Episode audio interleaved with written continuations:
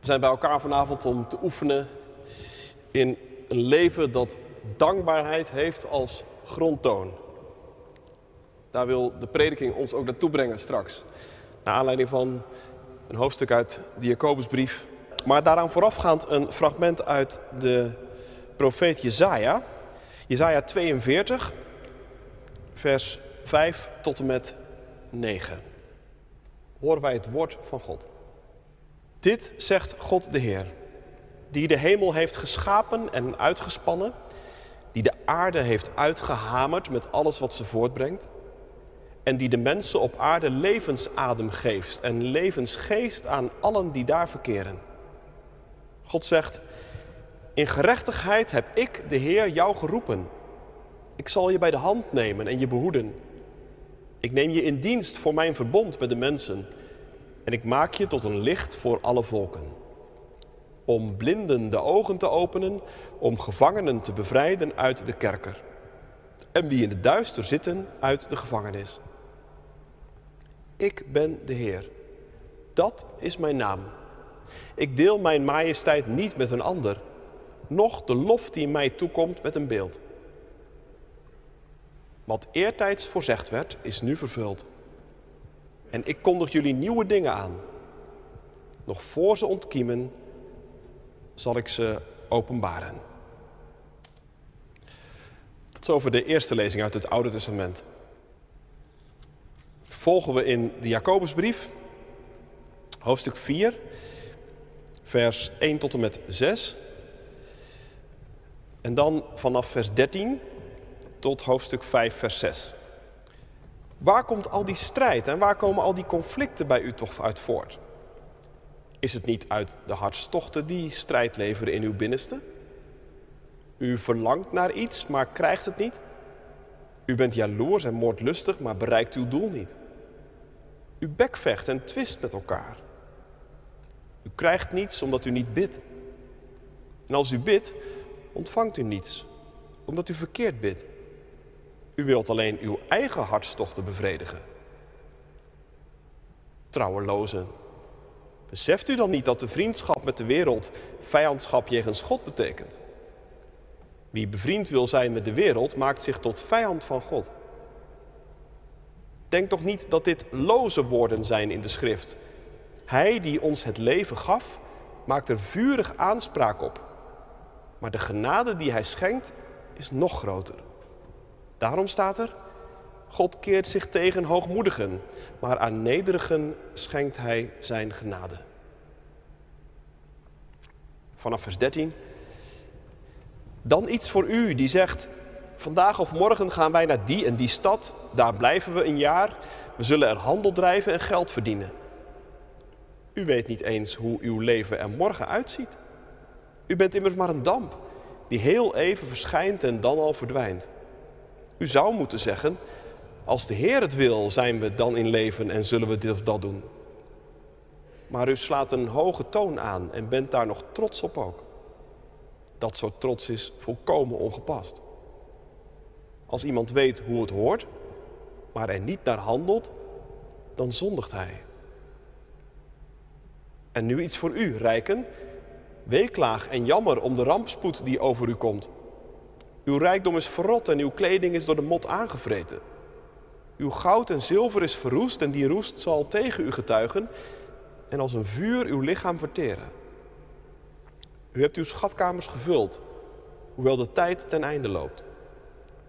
Hoor de klacht van het loon dat u de arbeiders die uw velden maaiden hebt onthouden. Het geroep van de maaiers is tot de Heer van de hemelse machten doorgedrongen. U hebt op aarde in weelde gebaat en losbandig geleefd. U hebt uzelf vet gemest voor de slachttijd. U hebt de rechtvaardige veroordeeld en vermoord. En hij heeft zich niet tegen u verzet. Tot zover de lezing voor deze avond. Gelukkig zijn we als we het woord van God horen, dat bewaren in ons hart en daaruit leven. Halleluja. Amen. Uitgangspunt voor de preek is hoofdstuk 4 van de Jacobusbrief, vers 5 en 6. Maar Jacobus dit tegen ons zegt, denk toch niet dat dit loze woorden zijn in de schrift. Hij die ons het leven gaf, maakt er vurig aanspraak op. Maar de genade die hij schenkt, is nog groter. Daarom staat er, God keert zich tegen hoogmoedigen, maar aan nederigen schenkt hij zijn genade. Gemeente van Christus, broeders en zusters hier in de kerk of thuis. Dankbaarheid gooi je niet in een gat. Prachtige zin uit de mond van de schrijver Willem-Jan Otten. Hij sprak hem uit toen hij in 2014 een grote literaire prijs kreeg. En bij het ontvangen van die prijs hoorde natuurlijk een dankwoord. Maar wie moest Otten nu gaan bedanken? In zijn dankwoord probeert hij die vraag een beetje te verkennen. En hij komt erachter dat dankbaarheid eigenlijk een soort domino is. Achter elk dankjewel gaat weer een nieuw dankjewel schuil. Elke dank plant zich voort, zegt Otte. Elke dank vraagt om weer een dank. Ga maar na. Je kunt bijvoorbeeld dankbaar zijn voor het heerlijke ontbijt dat je vanmorgen genuttigd hebt. En de bakker willen bedanken voor de kwaliteit van zijn brood. Maar een bakker is niets zonder meel van goede kwaliteit. En meel van goede kwaliteit is er niet zonder een boer die goede kwaliteit tarwe heeft kunnen oogsten. En wat maakt de kwaliteit van die tarwe goed? Dat zal ongetwijfeld wel iets met de bodem te maken hebben waarin die tarwe kon ontkiemen en groeien.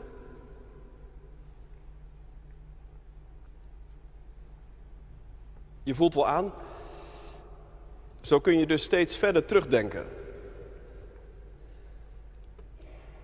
Willem-Jan Otte doet dat ook en hij schrijft dan: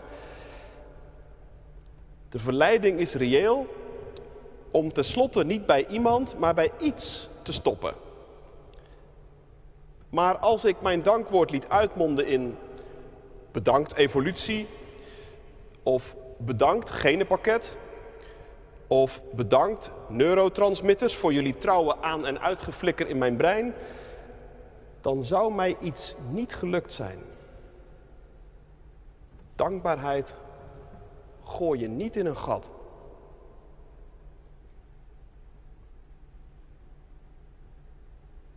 Voor Otte, die van huis uit niet gelovig was, is de weg van de dankbaarheid uiteindelijk een weg tot God geworden. Het werd voor hem als het ware onontkoombaar. Hij voelde intense dankbaarheid op heel veel momenten in zijn leven, maar kon die eigenlijk nergens kwijt. Hij was dankbaar omdat hij iets voelde dat hij van alles en nog wat kreeg en ontving. En steeds intenser drong het besef aan hem op dat iets krijgen, dat je dat uiteindelijk krijgt van iemand. En zou die iemand dan niet God kunnen zijn?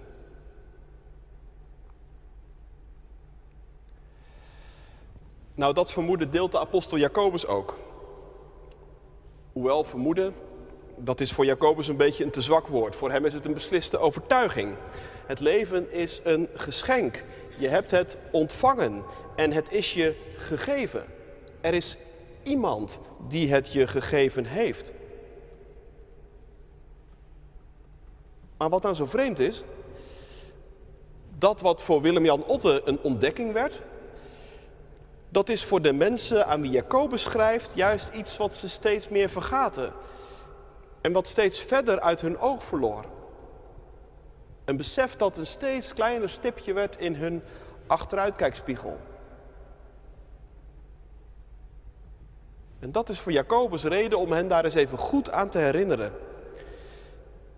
En je voelt aan alles in de woorden van onze tekst, er zit een urgentie achter. Het, het komt er voor Jacobus echt op aan. Denk toch niet dat dit loze woorden zijn uit de schrift. Hij die ons het leven gaf, maakt er vurig aanspraak op. Het is alsof Jacobus zijn lezers aan hun mouw schudt en zegt: Kom op jongens, jullie kennen de schrift toch? Het is toch geen onzin wat het woord van God te zeggen heeft?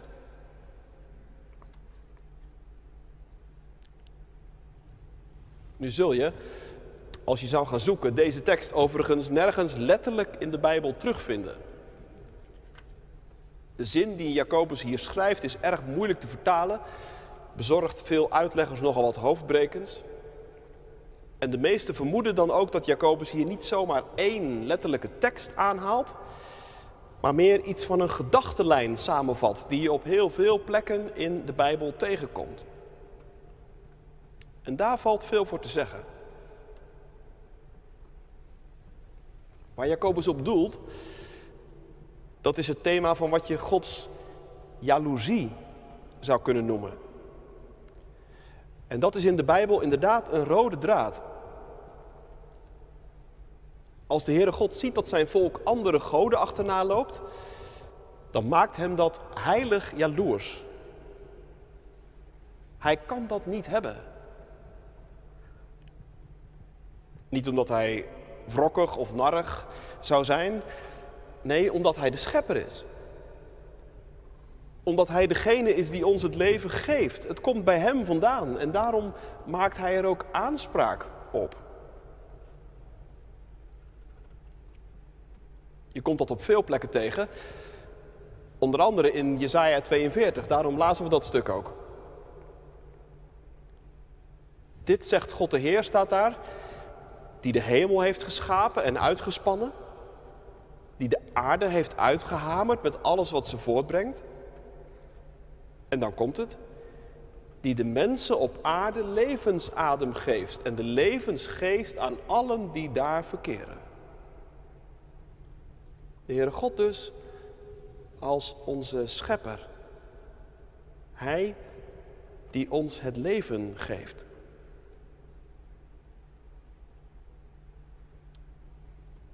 En diezelfde God is het dan vervolgens die voor de mensen van Israël een taak heeft. Want via Israël gaan de woorden van God de wereld in. Jullie neem ik in dienst van mijn verbond, zegt God. Ik maak jullie tot een licht voor alle volken.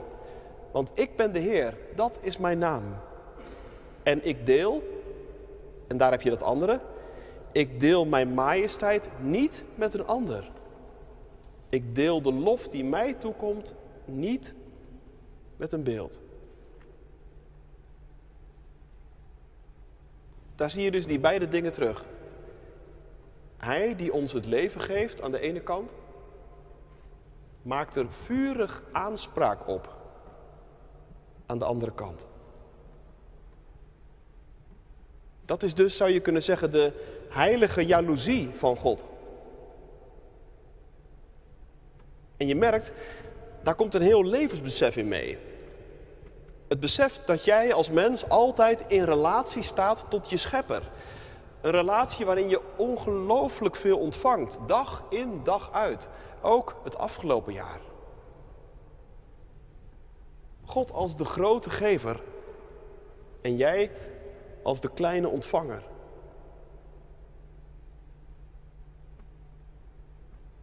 Maar in die relatie komt ook iets van het omgekeerde mee. In alles wat God ons geeft, stelt Hij ook een vraag. Wat doe jij ermee? Hoe zet je dat nou in? Al die gaven en talenten en die kansen die je gekregen hebt. Hoe gebruik je dat nou? Al die welvaart die je ontvangen hebt.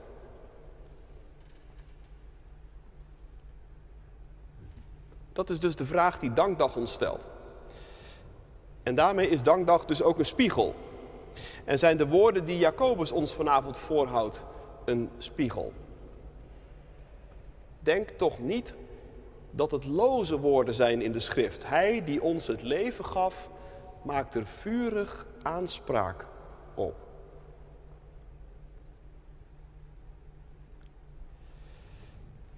Ik zei net al, je voelt in die woorden de urgentie. Maar vraag je je misschien af, waarom is dit voor Jacobus zo'n punt? Nou, omdat Jacobus ziet wat er gebeurt als mensen dit vergeten. Als die grondhouding van dankbaarheid weg ebt.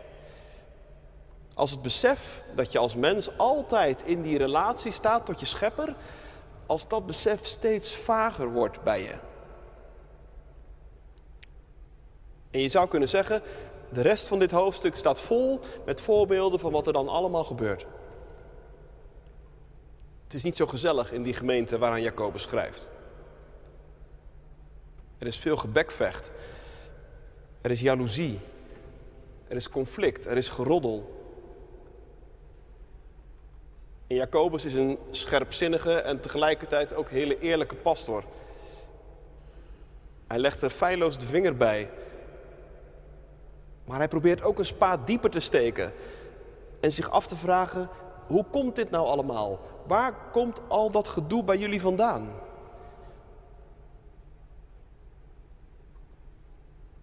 En zijn analyse is helder. Al die verschillende problemen hebben uiteindelijk maar één wortel. En dat is een levenshouding waarin precies dat ene besef, dat er iemand is die jou het leven gaf en die je dus ook aanspraak op maakt, dat besef ebt weg.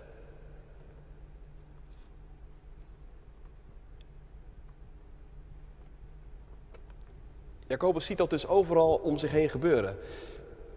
En er zijn twee situaties waarin hij die houding heel expliciet terugziet.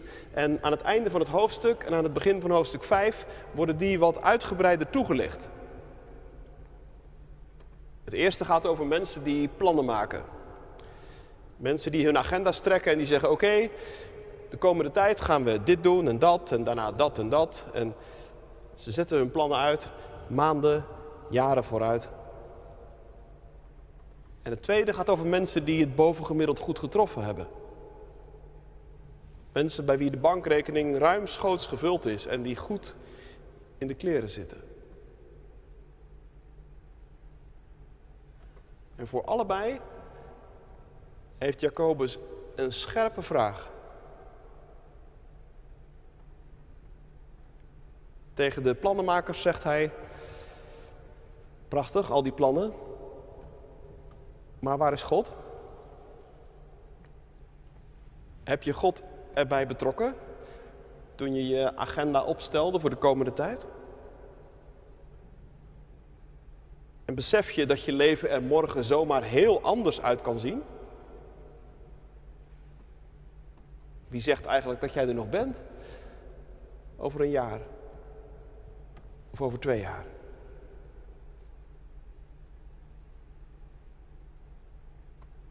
En aan de tweede groep vraagt hij: Mooi hoor, al die welvaart. Maar wie heeft de prijs betaald? Waar is de ander in dit plaatje? Bekommer jij je ook nog om het lot van je naaste?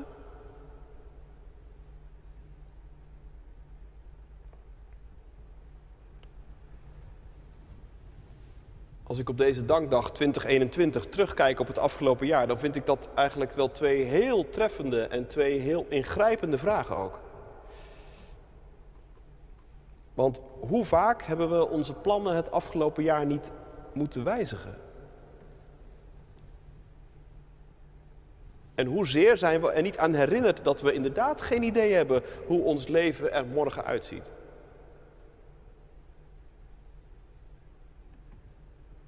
Hoezeer zijn erbij bepaald? Hoe geseculariseerd we eigenlijk vaak zijn? Hoe makkelijk het is om je agenda jaren vooruit vol te plannen, zonder je eigenlijk de vraag te stellen: en God dan?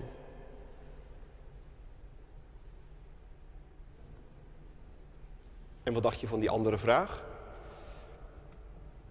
Die vraag die gesteld wordt aan de rijken. Mensen zoals wij die veel ontvangen hebben, maar wie betaalt uiteindelijk de rekening?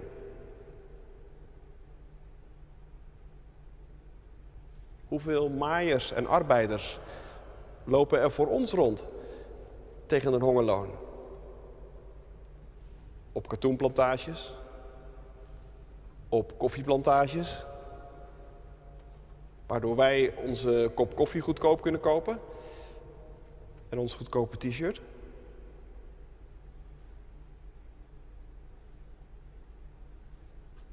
Dat zijn de thema's waar Jacobus het over heeft. En de scherpe vragen waarmee hij ons vanavond confronteert. Vragen waar je je in een dankdienst niet zomaar met gemak van kunt afmaken. Vragen waaraan wij allemaal voelen dat ze ons met steeds grotere urgentie op het bordje worden gelegd. Want het wordt steeds duidelijker. Zoals wij nu leven. Roofbouw plegend op Gods schepping. Zo kan het niet langer.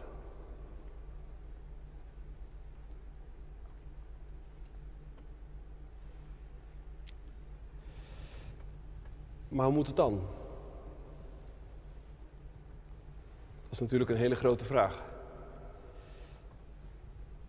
Maar ergens moet toch iets van een omkeer gebeuren. En misschien begint die wel bij een hernieuwd besef van wat Jacobus ons vanavond voorhoudt. Denk toch niet dat het loze woorden zijn in de schrift. Hij die ons het leven gaf, maakt er vurig aanspraak op. Daar begint het dus mee. Dat je opnieuw beseft dat het leven je gegeven is. Dat je in relatie staat tot je schepper. En dat hij aanspraak maakt op je leven. Ik denk als je dat beseft, dan durf je ook die grote vragen wel toe te laten. De vraag naar waar God is in al jouw plannenmakerij. En de vraag waar de ander is als het gaat om onze welvaart.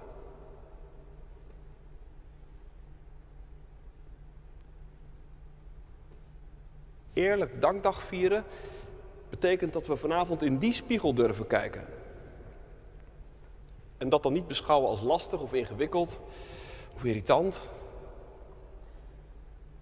maar als een blijk van Gods genade. Ja, want zo gaat Jacobus verder. Hij die ons het leven gaf, maakte vurig aanspraak op, maar de genade die hij schenkt in één adem door is nog groter.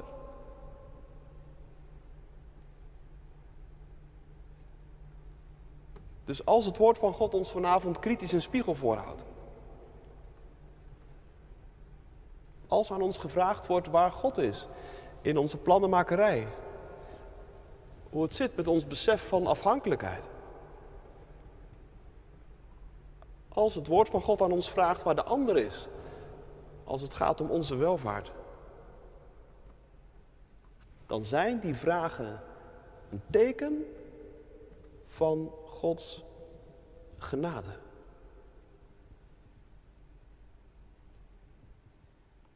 Want God laat ons niet aan onszelf over. Zo waar Hij God is. Hij geeft je het leven. En zijn genade en zijn goedheid, die zijn elke morgen fonkelnieuw. Als dat geen reden is voor een dankdag.